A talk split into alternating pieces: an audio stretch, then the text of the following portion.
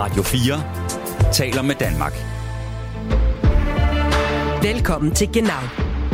Din vært er Mirko Reimer Elster. Velkommen til denne særlige udgave af Genau, årets sidste, hvor du blandt andet skal lytte til denne perle.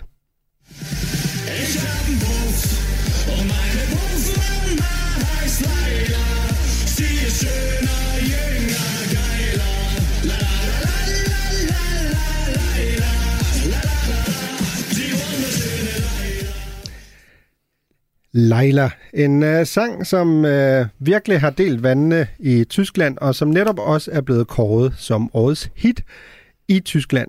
Vi skal tale meget mere om, hvorfor den her sang har været så kontroversiel i det år, der er ved at gå på held 2022. Lidt senere, fordi det her er jo Genaus nytårsspecial, hvor vi ser tilbage på de største tyske begivenheder i 2022. Og det gør vi øh, sammen med min tyske partner in crime, Ulla Terkelsen, TV2-korrespondent. Du har blandt andet boet i Berlin i 90'erne. Du har dækket samt det tyske valg siden murens fald.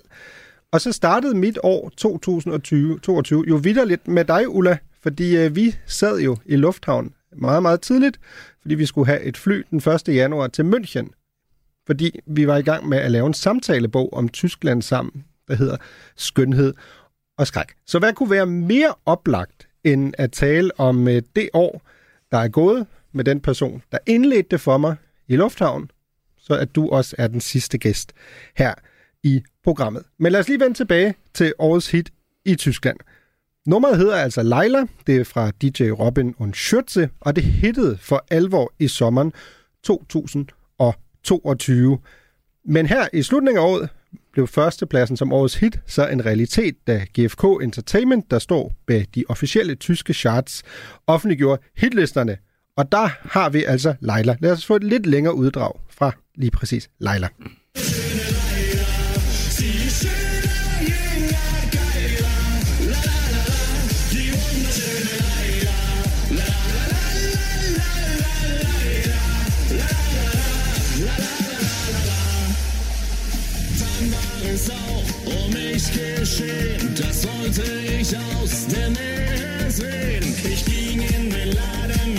上济南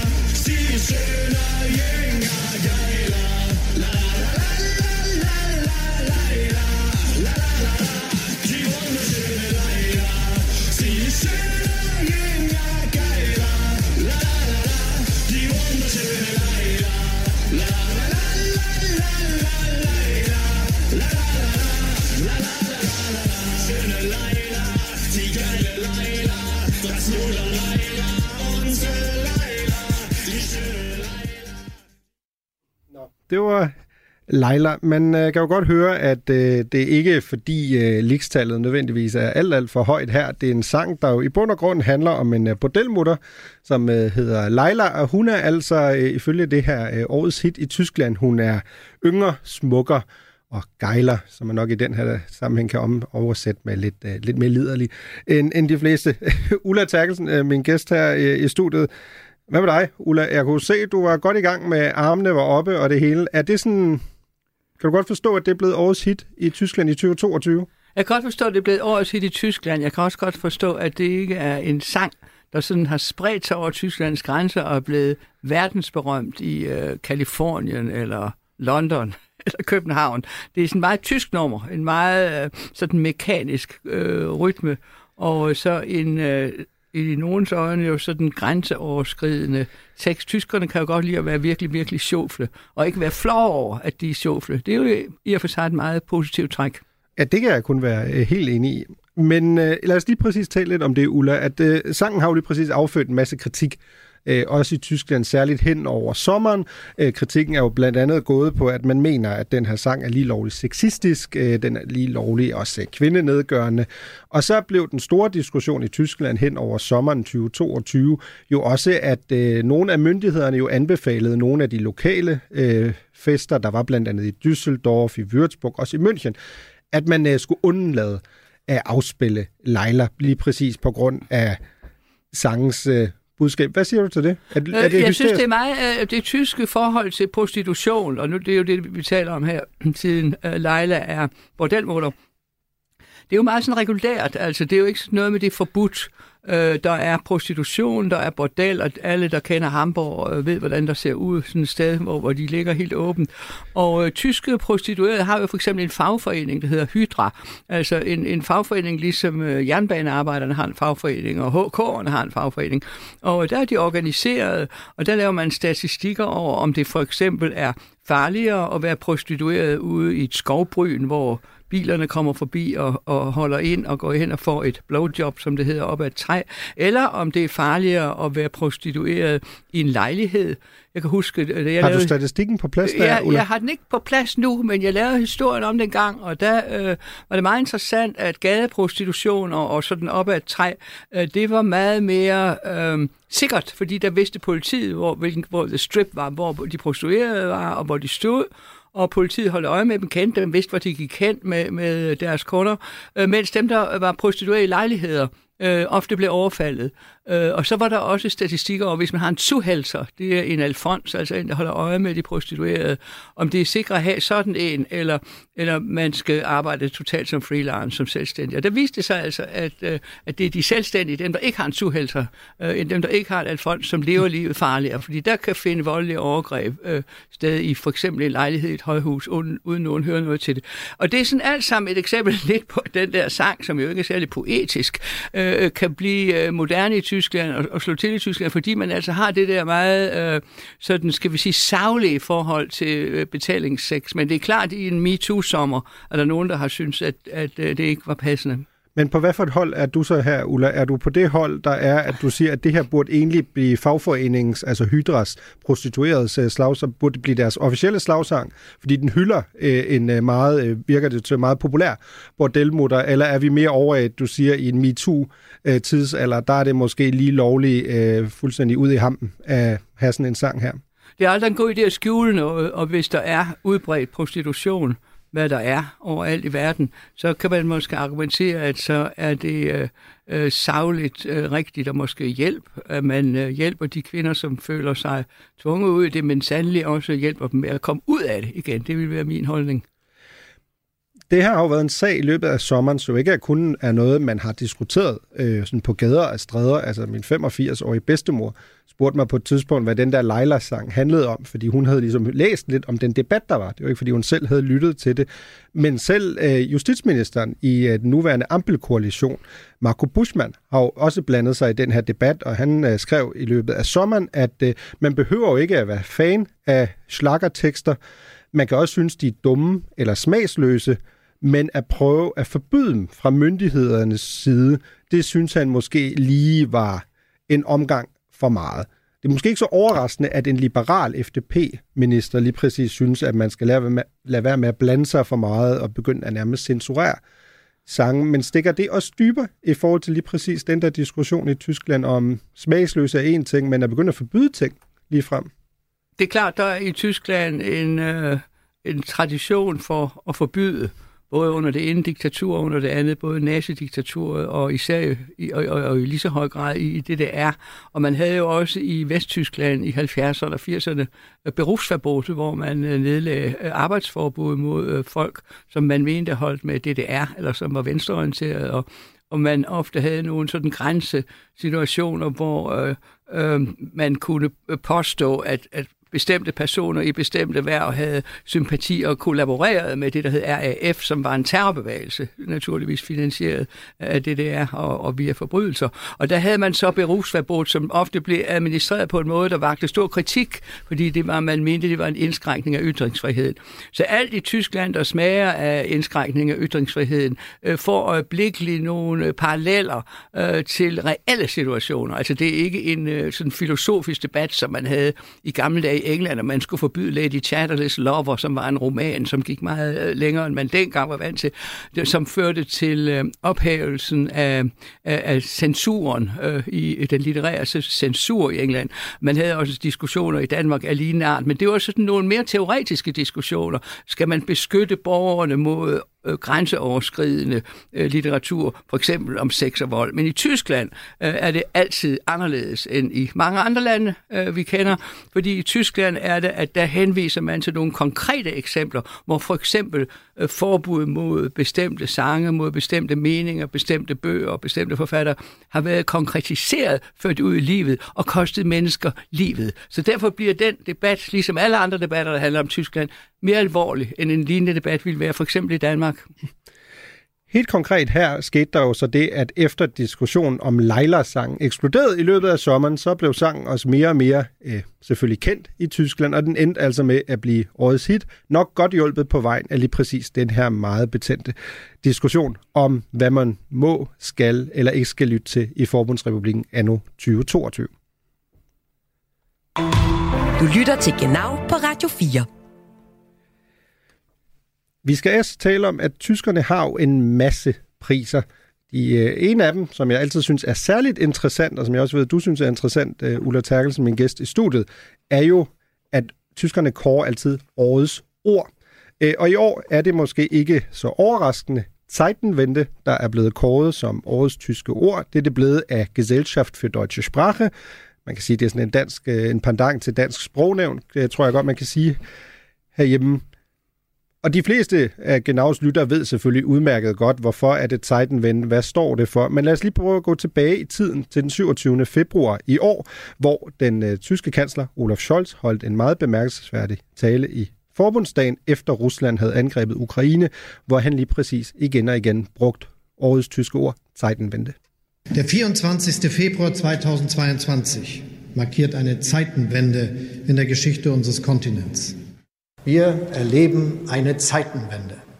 Angesichts der Zeitenwende, die Putins Aggression bedeutet, lautet unser Maßstab, was für die Sicherung des Friedens in Europa gebraucht wird, das wird getan. Die Zeitenwende trifft nicht nur unser Land, sie trifft ganz Europa. Wir wissen, was von einem breiten gesellschaftlichen und politischen Konsens getragen wird, das hat Bestand, auch in dieser Zeitenwende und darüber hinaus. Ja, som vi kan høre her i Olaf Scholz's tale den 27. februar i forbundsdagen, så var Zeitenwende jo et ord, der dukkede op igen og igen. Scholz taler om, at det her er, jeg tror på dansk vil man typisk bruge udtrykket paradigmeskifte, og det betyder, Jeg at... ved ikke, om det er særlig dansk mere paradigme. Tror du, alle seerne ved, hvad et paradigme er?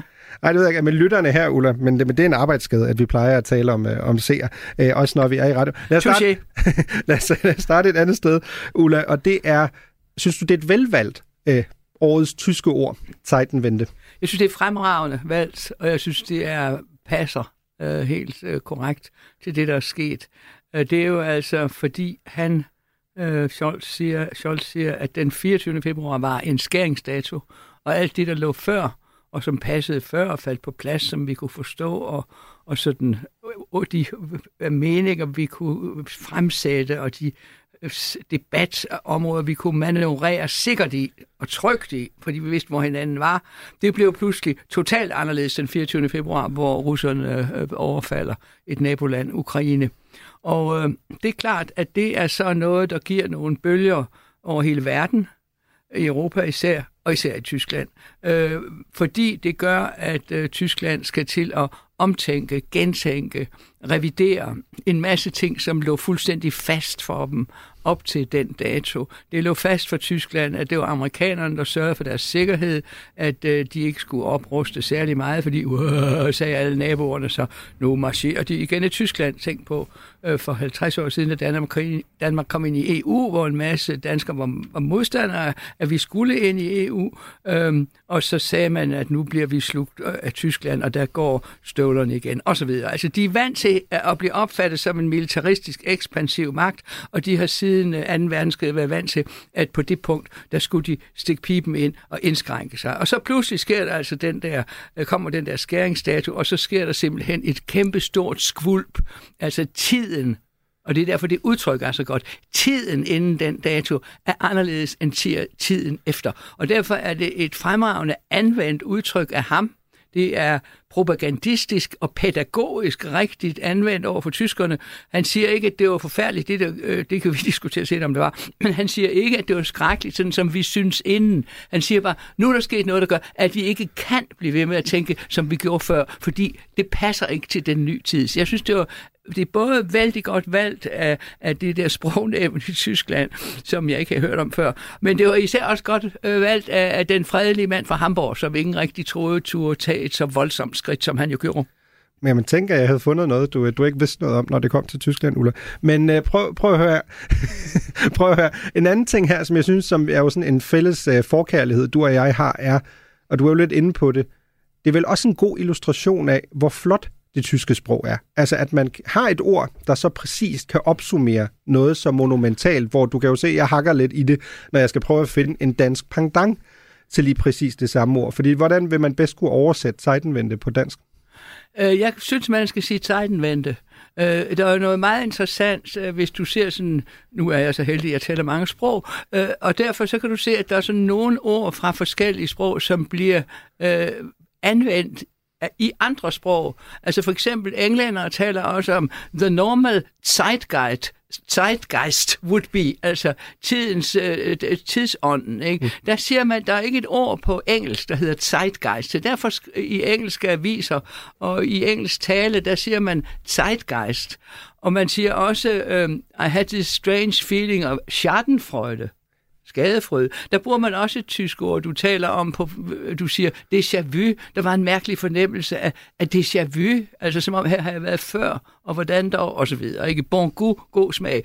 Der, der bruger man fransk ord. Der er en masse eksempler på, at man nupper øh, et ord fra et andet sprog og sætter ind i sit eget, hvis det, hvis det fremmede sprogs udtryk opsummerer meget præcis det, det går ud på. Og der synes jeg, at Zeitenwende er et, der vil gå over i, i, øh, i, i, mit, i mit vokabularium i hvert fald, i, i mit øh, ordforråd, som noget, der helt præcis siger det. Men øh, tysk er så fantastisk øh, dramatisk i forhold til dansk. Jeg læste øh, for nylig øh, et interview med, i de Zeit med Merkel, som vi skal nok uden tvivl ind på Merkel på et tidspunkt. Og der bliver hun så spurgt om forskellige ting, og så siger hun, ret øh, op i begyndelsen af interviewet, så siger hun, som tysker er man jo vokset op med at kende øh, de enorme grausamkeit der Menschen. Altså menneskers enorme grusomhed. Altså, jeg har ikke set et interview med Lars Lykke, eller, eller Jacob Ellemann, eller, eller, øh, eller øh, Mette Frederiksen, som siger, at noget af det, man ved, øh, og som man efterhånden jo, altså, men som man stadigvæk bliver rystet over, er menneskers uendelige grusomhed. Men den fyrer Merkel af, altså som om, øh, øh skal have another cup of tea, ikke? og skal vi tage en kop te til? Altså sådan en, og det er jo det, tyskerne har i, i, i deres karakter og i deres øh, historieopfattelse, og så er der også det, de har i deres sprog, og det er jo tit det, der sådan slår benene væk under en, fordi vi bruger ikke, når vi taler dansk, der vil det lyde hult og teatralsk og latterligt, hvis vi slår sådan nogle kæmpe sproglige armbevægelser op, men det gør man helt naturligt i Tyskland, også når man sidder og tager en kop te.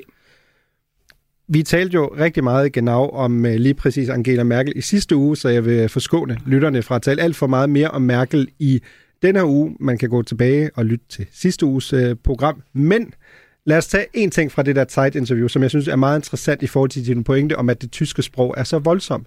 Og det er jo, at Merkel taler jo også i interviewet om selvfølgelig, hvad den her Zeitenwende har gjort ved hendes eget syn. Og en anden diskussion apropos det sådan hårde tyske sprog og de store vendinger er jo, at interviewet kredser jo også omkring det, som den daværende kansler Helmut Schmidt, som var kansler tilbage i 70'erne og starten af 80'erne, havde sagt, at fordi han var opvokset i diktatur under det tredje rige, så havde han haft fået sådan en form for naturlig, at han sådan ikke helt stolede på sit eget folk. Det er jo også en, hvis man ikke var tysker, vild ting at diskutere. Ikke? Merkel diskuterer det jo så med de her to journalister fra dit Zeit. Prøv at forestille dig igen, hvis Mette Frederiksen, der gik rundt og sagde, at hun var altså vokset op med sådan en naturlig mistillid til sin egen befolkning, så vil folk jo nok tænke, puha, så flyt til, så flyt til Amerika, rejs.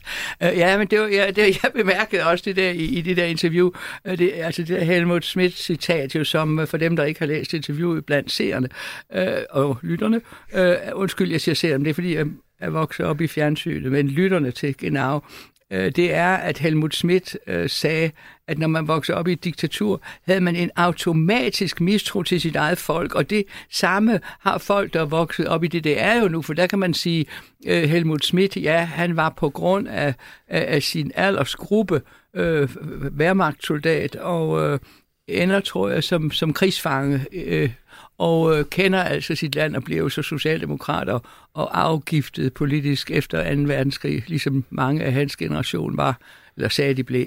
Han gjorde i hvert fald, og bliver en god socialdemokrat. Men øh, den der øh, øh, mistro til eget folk, altså det er jo sådan noget, hvor man øh, øh, jo altså også beundrer tyskerne, og har lidenhed med dem, for det må være meget, meget vanskeligt at øh, vokse op i et folk, som har den der mistro til sig selv. Og øh, hvis man skal forstå det, øh, så skal man selvfølgelig ikke kun kunne historien på sådan et politisk plan, så skal man jo ind i familier.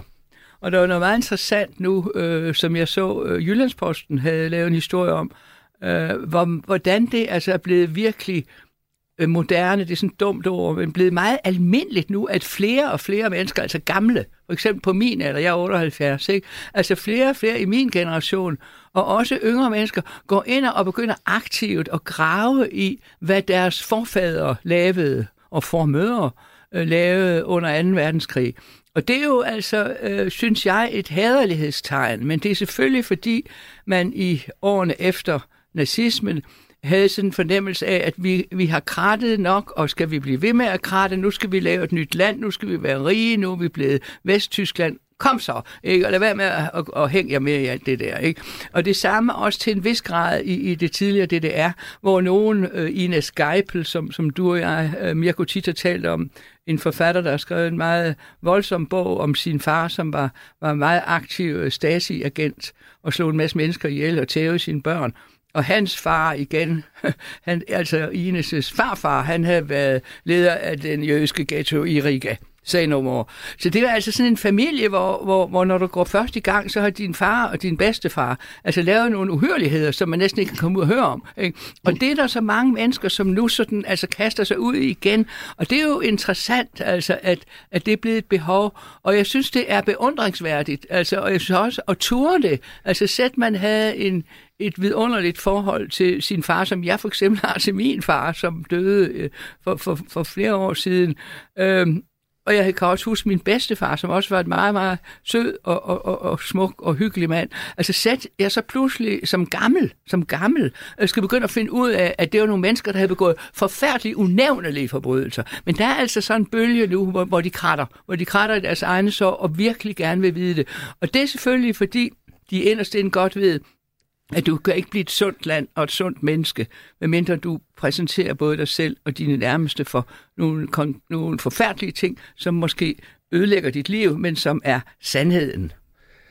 Ja, slægtsforskning har en uh, lidt anden uh, grad af alvor, når man uh, gør det i Tyskland, uh, og ligesom skal ned i lige præcis de lidt mere mørke kapitler af tysk historie. Men uh, det her er jo også en, uh, en nytårs uh, special, så vi skal jo vidt omkring, og nu har vi jo talt om det meget alvorlige Zeitenwende. Vi skal også lidt over i den måske lidt mere kuriøse del og tale om, at uh, den tyske telefonboks er jo ved at uddø.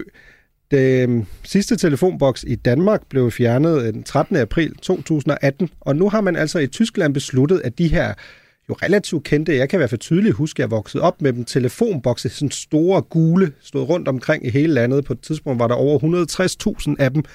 De skal altså lukkes ned, både fordi de, apropos, også meget moderne, bruger alt for meget energi.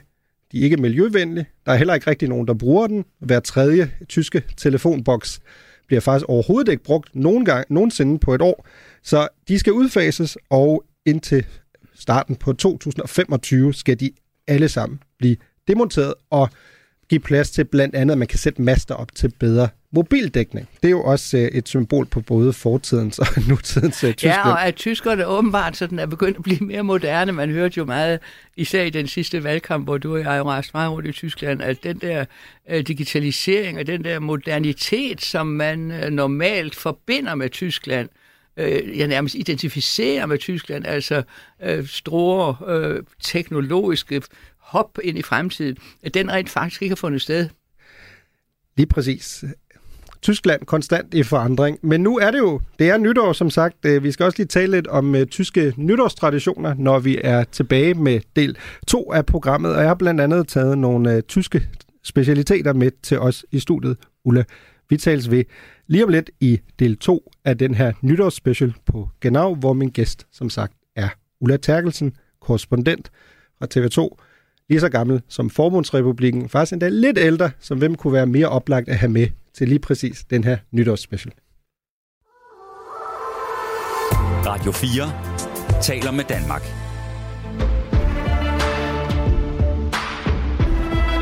Velkommen til Genau. Velkommen tilbage til Genau. Vi er i gang med vores nytårsspecial. Det her er del 2. Jeg har stadig Ulla Terkelsen, korrespondent for TV2, også blandt andet i Tyskland, med her i studiet. Og nu her i del 2 vil jeg gerne snakke lidt om tyske nytårstraditioner med dig, Ulla. Jeg har taget en af dem med i studiet. Man kan jo rigtig godt lide i Tyskland at spise Berliner, og du skal selvfølgelig også have lov til at smage på en. Den kommer lige der. Tusind tak. Jeg har ikke, det er jo også en del af de her tyske nytårstraditioner, at øh, normalt så køber, indkøber man jo berliner, og så er der en af dem, der er med sennep. Normalt er de jo med en form for syltetøj. En af dem er normalt med sennep, og vedkommende, der får den med sennep, vedkommende får held i det nye år. Jeg har ikke indkøbt en med sennep. Det tænkte jeg var sådan lidt ulækkert. Jeg tænkte, vi skal, vi skal nyde den her. Vi Klarer lige- du ellers ikke, at vi er tilbage for, det er lidt øh, grænseoverskridende, når det gælder mad. Du spiser øh, Flødeboller til morgen. flødeboller om morgenen, for eksempel. Det er da originalt. Det kan man sagtens. Det, Ja. det kan jeg ikke se nogen øh, Nej, problemer i. jeg er vi så uenige. Men lad, lad os lige se. Jeg tror, jeg har sådan noget... Det ligner jordbær, det her. Det er helt okay. Skal jeg tage en bid? Er det det, der er Men meningen? du, jamen, du går bare i gang. Så kan Ja. jeg lige fortælle om nogle af mine øh, nytårstraumer, jeg har, når det kommer til lige præcis nytår i Tyskland. Og det er, at hvis man spørger tyskerne, hvad kan de bedst lide sådan at spise til nytår? Man kan godt høre, at jeg er stadig tykker på den her, tror jeg. Øhm, så er det raclette eller fondue. Og det er jo begge to sådan nogle madtraditioner, hvor man øh, tilbereder maden, og det tager ufattelig lang tid. Så har man sådan en lille ting, og så kan man sætte sin pølse ind, og så skal den lige øh, koge lidt. Altså det er jo sådan en virkelig fattigmands udgave af sådan noget koreansk barbecue, som er blevet virkelig, virkelig moderne nu om dagen. Men Ulla, du har jo holdt øh, rigtig meget nytår, også i Tyskland. Ikke? Hvad, hvad, er sådan dit, hvad forbinder du med nytår i Tyskland? Jeg ved godt, man ikke må rette sin medvært, men altså raclette er en schweizisk ret. Øh, øh, det er en schweizisk ret, fordi der kommer meget ost fra. Så det er ikke sådan nødvendigvis fra Korea, man har fået den. Man har fået den, man har fået den fra Schweiz. heller ikke, tror jeg, det, jeg jeg tror, det er det der med Jeg vil få- ikke give koreanerne skylden for Nej, raclette men det er også, hvis man altså, taler om madinspiration, så tror jeg, den koreanske inspiration er af nyere dato end racletten, som kommer fra Schweiz. Øh, Jeg husker øh, nytårsaftener i Berlin, og det var jo især meget betagende øh, Øh, i starten efter murens fald i øh, 89, så er det jo især meget betalende ved Brandenburg og Tor, hvor der var kæmpe store fester, fordi der kunne man altså stå på hver sin side og øh, juble. Øh, og klokken 12 var der selvfølgelig øh, kæmpe stort fyrværkeri osv. Men jeg husker også, øh, øh at jeg spacerede hjem fra en nytårsfest en aften øh, i øh, det, der hedder Scheunenviertel, som er det område, der ligger sådan lige på den anden side af det, der var muren engang, i det område, der hedder Berlin Mitte. Jeg boede selv i Chausseestrasse, og jeg havde været til et, middags, undskyld, et, et, øh, et, nytårsselskab øh, i, øh, ja, det har været Tucholske Strasse eller Auguststraße, en af de der små gader, der ligger lige i det der område, og som mange danskere kender, tror jeg. Øh, det er sådan meget søgt turistområde nu. Dengang var det mere sådan skummelt øh, og spændende og, og, vidunderligt også. Men det, jeg husker som forsker, det var, at folk smed alt muligt former for nytårsfyrværkeri øh, ned i hovedet på en fra etagerne. Altså i forvejen kan det godt være meget ubehageligt at gå igennem København også øh, nytårsaften, når det sådan virkelig går løs med det der fyrværkeri. Jeg bryder mig ikke om fyrværkeri. Jeg arbejder meget i, i krigszoner, og øh, det minder mig om krig. Altså jeg, jeg bryder mig egentlig ikke om de der brag. Jeg synes, det er flot, at raketterne, når de er oppe i luften, men jeg, mener, jeg bryder mig ikke om de her brag. Men i Tyskland, hvor der er en, tror jeg, Mirko, det må du vide, en øh, liberal og fyrværkerilovgivning end i Danmark. Jeg tror også, der er danskere, der sniger sig ned syd for grænsen og køber øh, former for fyrværkeri, som er forbudt. Men det de, altså, at de smed det ud af vinduet, altså øh, ned efter mig, sådan for sjov, ha, og sådan noget, det synes jeg egentlig ikke var særlig sjovt. Jeg kan huske, at jeg sådan til sidst gik ud sådan midt på gaden, og sådan zigzaggede, og øh, Øh, jeg var, øh, havde selvfølgelig fået noget vin og noget champagne, og, og jeg var heller ikke alene, men, men jeg, jeg, jeg havde det som en, en ubehagelig oplevelse, fordi altså, jeg synes under alle omstændigheder, det er ubehageligt, det der med, med de der brag og, og de der ting, som, som eksploderer omkring en. Men jeg synes især det er ubehageligt, det sådan bliver smidt efter mig. Mm. Og, øh, og derfor har jeg egentlig sådan et lidt negativt syn på øh, nytårsaften i Berlin. Skønt selvfølgelig den der rausch øh, nede ved muren er flot, i hvert fald de første år, da vi endnu mindes muren som en uhyggelig demarkation mellem to øh, politiske systemer i verden, så var det altså pludselig blevet et glædessymbol, og og derfor glædessymbol, og derved vidunderligt. Men de der snævre gader, med, med sådan, hvor man skulle løbe sådan zigzag, zigzag, for ikke at blive beskudt, øh, og hvor brændt ihjel nytårsnat, dem husker jeg ikke på med glæde. Jeg ved ikke helt, hvordan jeg skal lave en, øh, en overgang her, men øh, det er jo meget, meget oplagt, når nu det er en genau nytårs special. Også at talen med manden, der jo indtil for ganske kort tiden faktisk har været vært på det her program. Så jeg vil sige uh, ni hao, Thomas Schumann, uh, direkte fra Kina. Hej med dig. Ja, ni hao til Genau. Hvordan har du det, Schumann? Hvad, hvad har været dit uh, største tyske øjeblik i 2022? Jamen, øh, jeg, har det, jeg har det udmærket først og fremmest øh, herovre i øh, Kina, øh, som er noget anden øh, oplevelse end, øh, end Tyskland, må man sige. Øh, min største oplevelse i øh, Tyskland i øh, det her år, det var, øh, da jeg var på øh, rejse i sommeren øh, i juli igennem Tyskland fra München og så hele vejen hjem til Danmark igen øh, med 9 euro billetten. Det var sådan en ting, man øh, indførte i Tyskland øh, på grund af corona og så videre, og kom tyskerne til undsætning øh, på en eller anden måde, så satte man prisen ned, så man kunne køre med offentlig transport i en øh, hel måned med, med 9 euro, og det synes jeg, det var en skidegod idé øh, til at tage på sådan en øh, togferie med, med hvad hedder det, regionaltog gennem øh, Tyskland. Så vi kørte fra, min, øh, min kone og jeg, fra øh, München til Bamberg og over øh, til Frankfurt og så op langs Rhinen og til Duisburg og til Kassel og så op forbi Lüneburg og Hamburg og så, så hjem til Danmark igen. Det var en helt fantastisk oplevelse.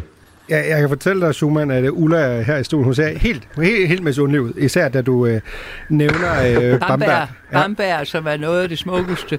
Der, ridderen fra Bamberg, hvor du inde og se ham inde i kirken. Jeg var inde og se uh, Ridderen fra Bamberg, og lige omkring uh, uh, Bamberg, så en af grundene til, at vi havde, uh, eller en af mine bagtanker med at lægge uh, vejen forbi uh, Bamberg, det var så også, at uh, på det tidspunkt, da vi startede rejsen, der var min, min kone og jeg ikke kone og mand endnu. Min plan var i Bamberg og, og fri til min kone, så jeg tænkte, der skulle være en, en flot ramme om det. Nej, er, er det en fantastisk historie. og så vil jeg lige reagere på Bamberg. Altså, øh, til dem, der ikke lige kender ridderen, øh, udover dig, du var selvfølgelig ridderen nummer et, da du gik ned på knæ og friede. Det er klart. Det er der ingen tvivl om. Men så er det en fuldstændig fantastisk øh, sådan øh, senmiddelalder skulptur inde i kirken, som er, er den her ridder, som er helt fantastisk. Den er meget lille. Øh, man er overrasket, når man ser den, fordi man tror, den er mere imposant. Men den er meget lille og sindssygt smuk. Er du ikke enig i det, Thomas?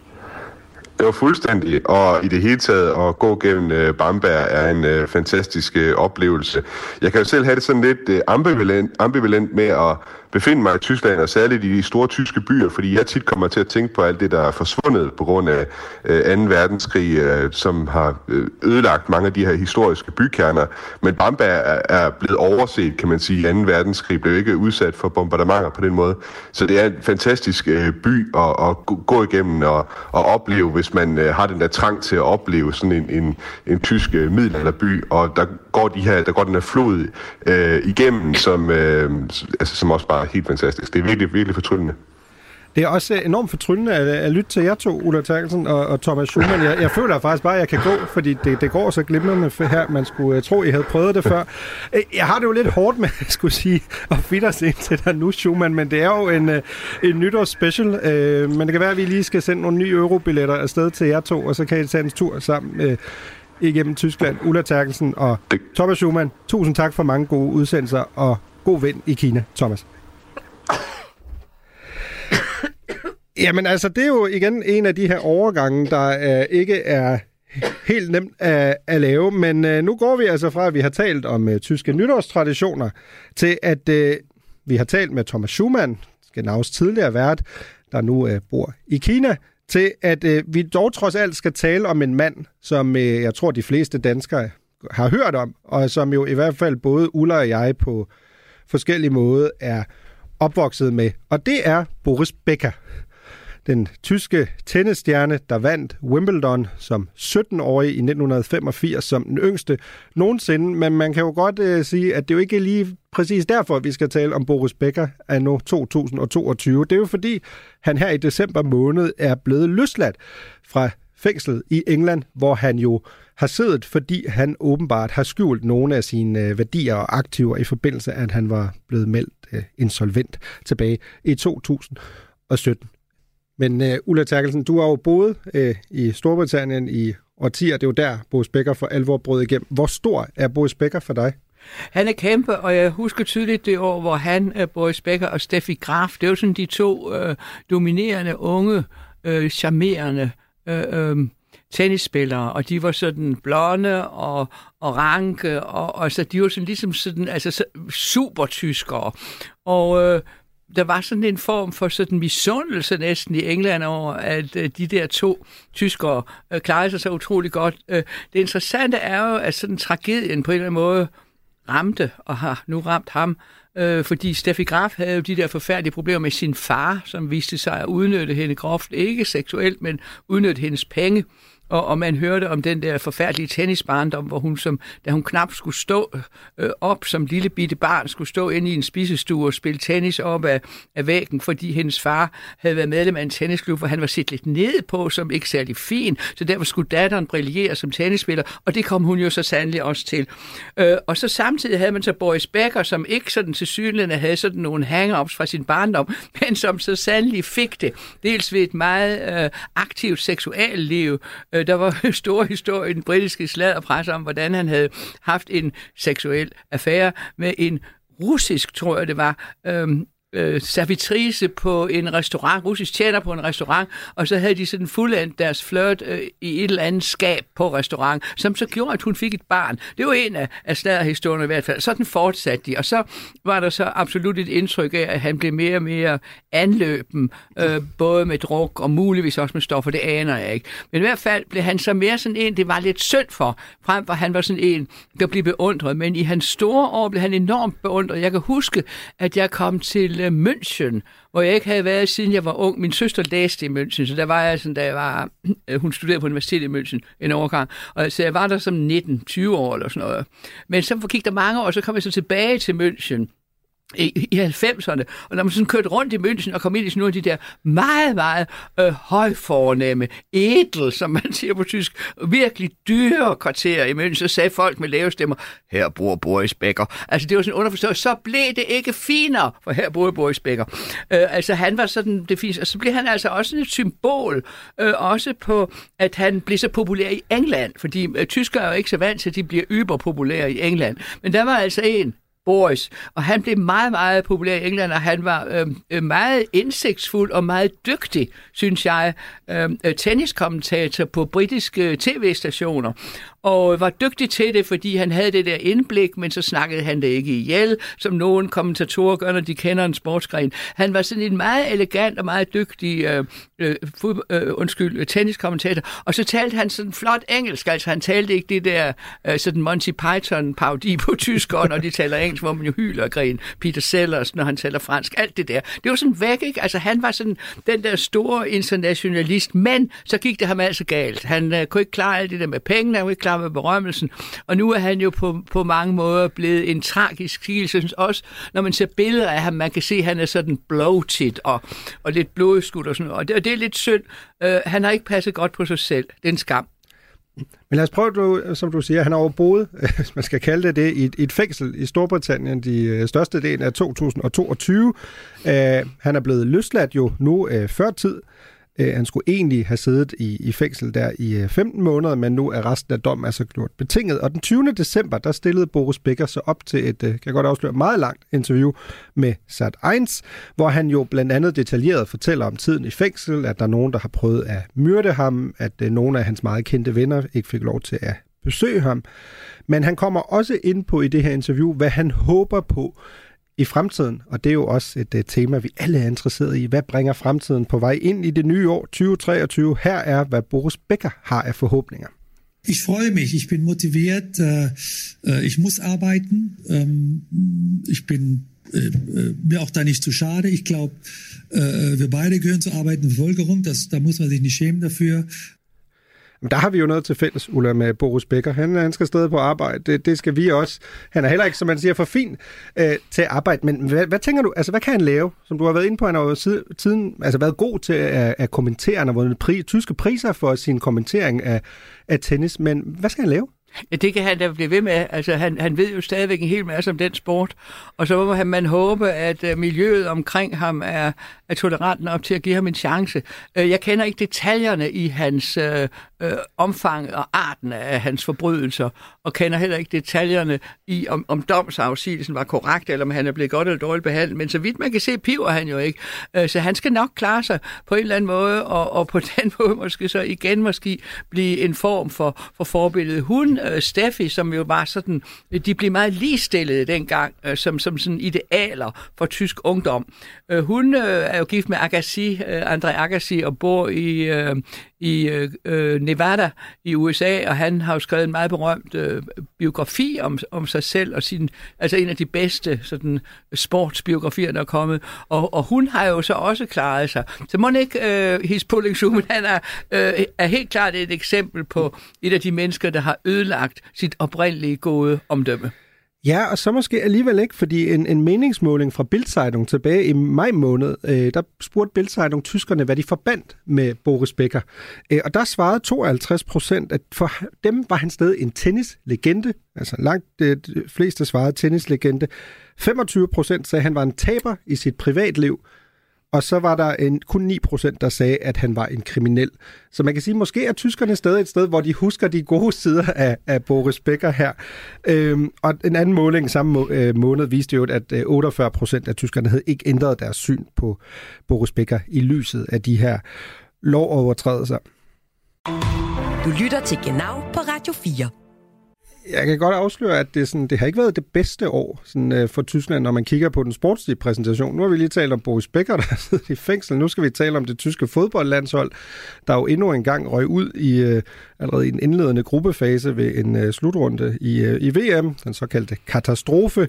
Øh, så den skal vi selvfølgelig også lige øh, tale om, øh, og især selvfølgelig det her med, hvordan hvad skal der ske med det tyske landshold frem mod det kommende europamesterskab i fodbold i 2024, hvor forventningerne jo nu er tårnhøje, fordi man har skuffet to gange, men jo også i høj grad, fordi at øh, det er jo et EM på hjemmebane for tyskerne. Lad os høre, hvad den tyske landstræner Hansi Flick havde at sige om det. Letztendlich geht es auch darum, auf der einen Seite wissen wir natürlich auch, dass aufgrund dessen, dass die letzten Turniere einfach auch nicht so erfolgreich waren, wie wir uns das vorgestellt haben, dass wir natürlich auch eine Bringschuld sind. Letztendlich geht es darum, dass die Mannschaft einfach zeigt, dass sie als Team einfach auch da ist, dass sie an sich glaubt, dass wie Kuhn Fußball spielt, erfolgreichen Fußball spielt. Und ähm, ich glaube, das, das sind die Voraussetzungen.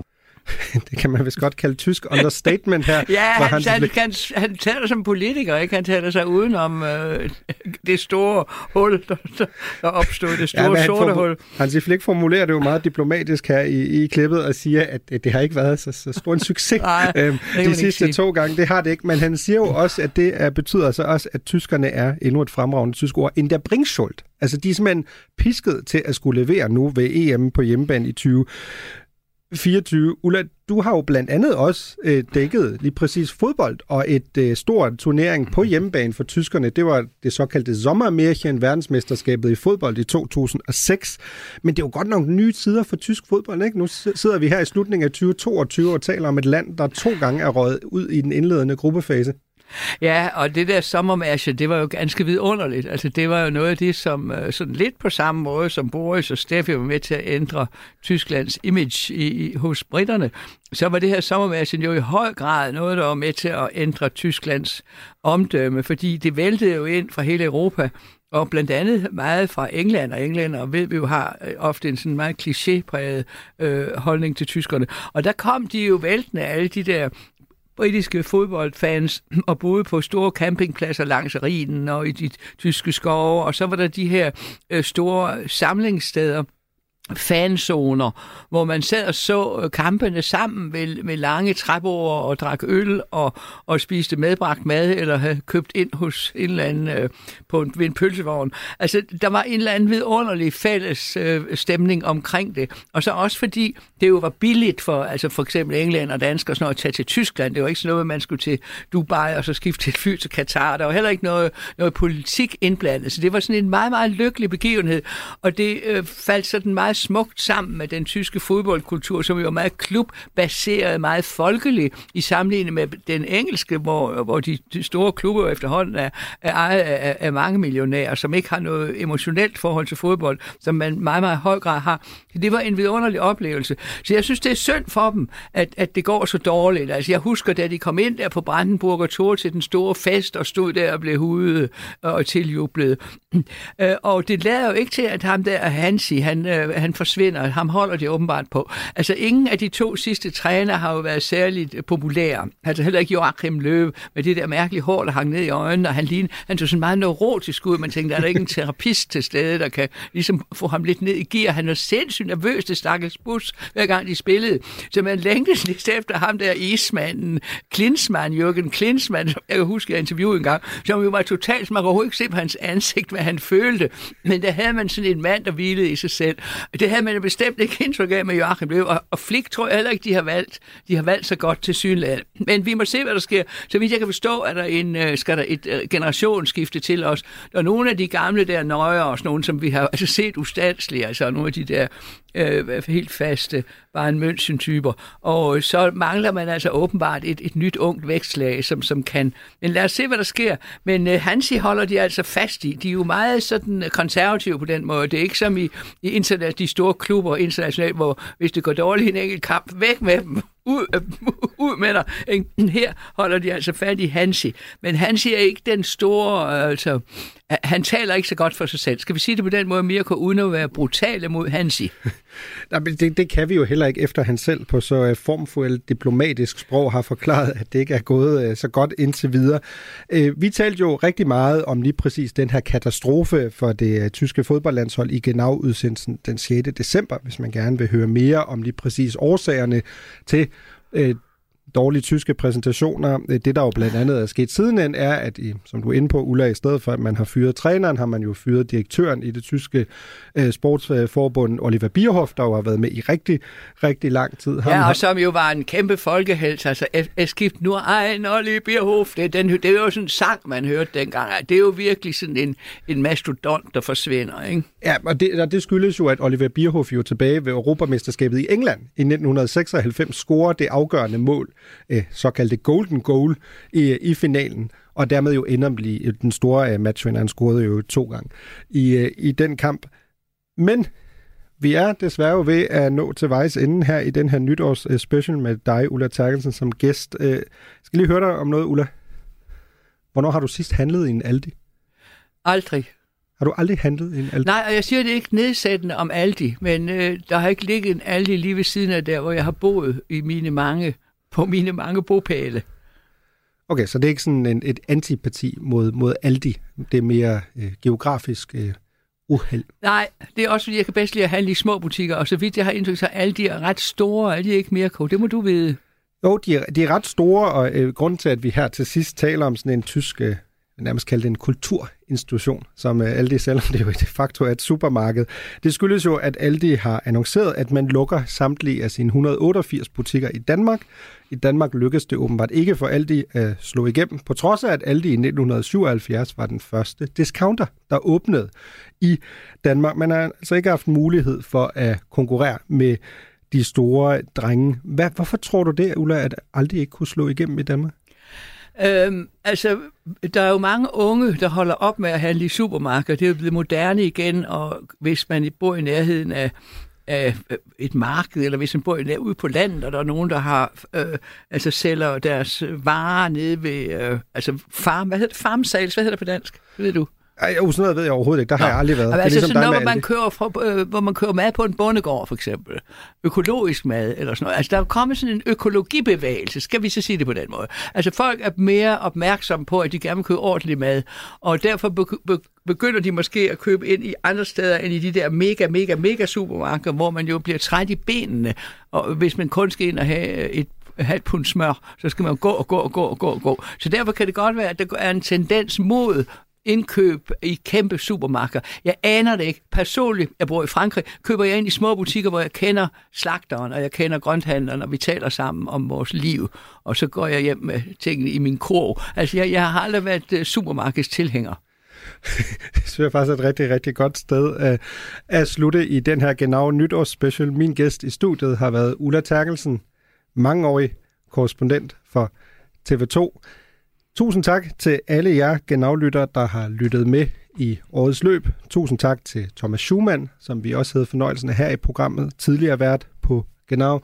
Tusind tak til Dorte Lind som redaktør og Niklas Stein som tilrettelægger. Auf Wiederhören i det nye år 2023.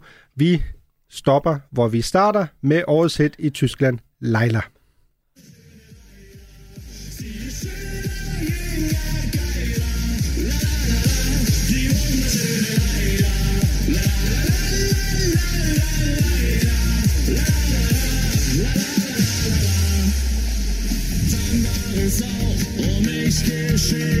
Das ich aus der Nähe sehen. Ich ging in den Laden und schon stand sie da.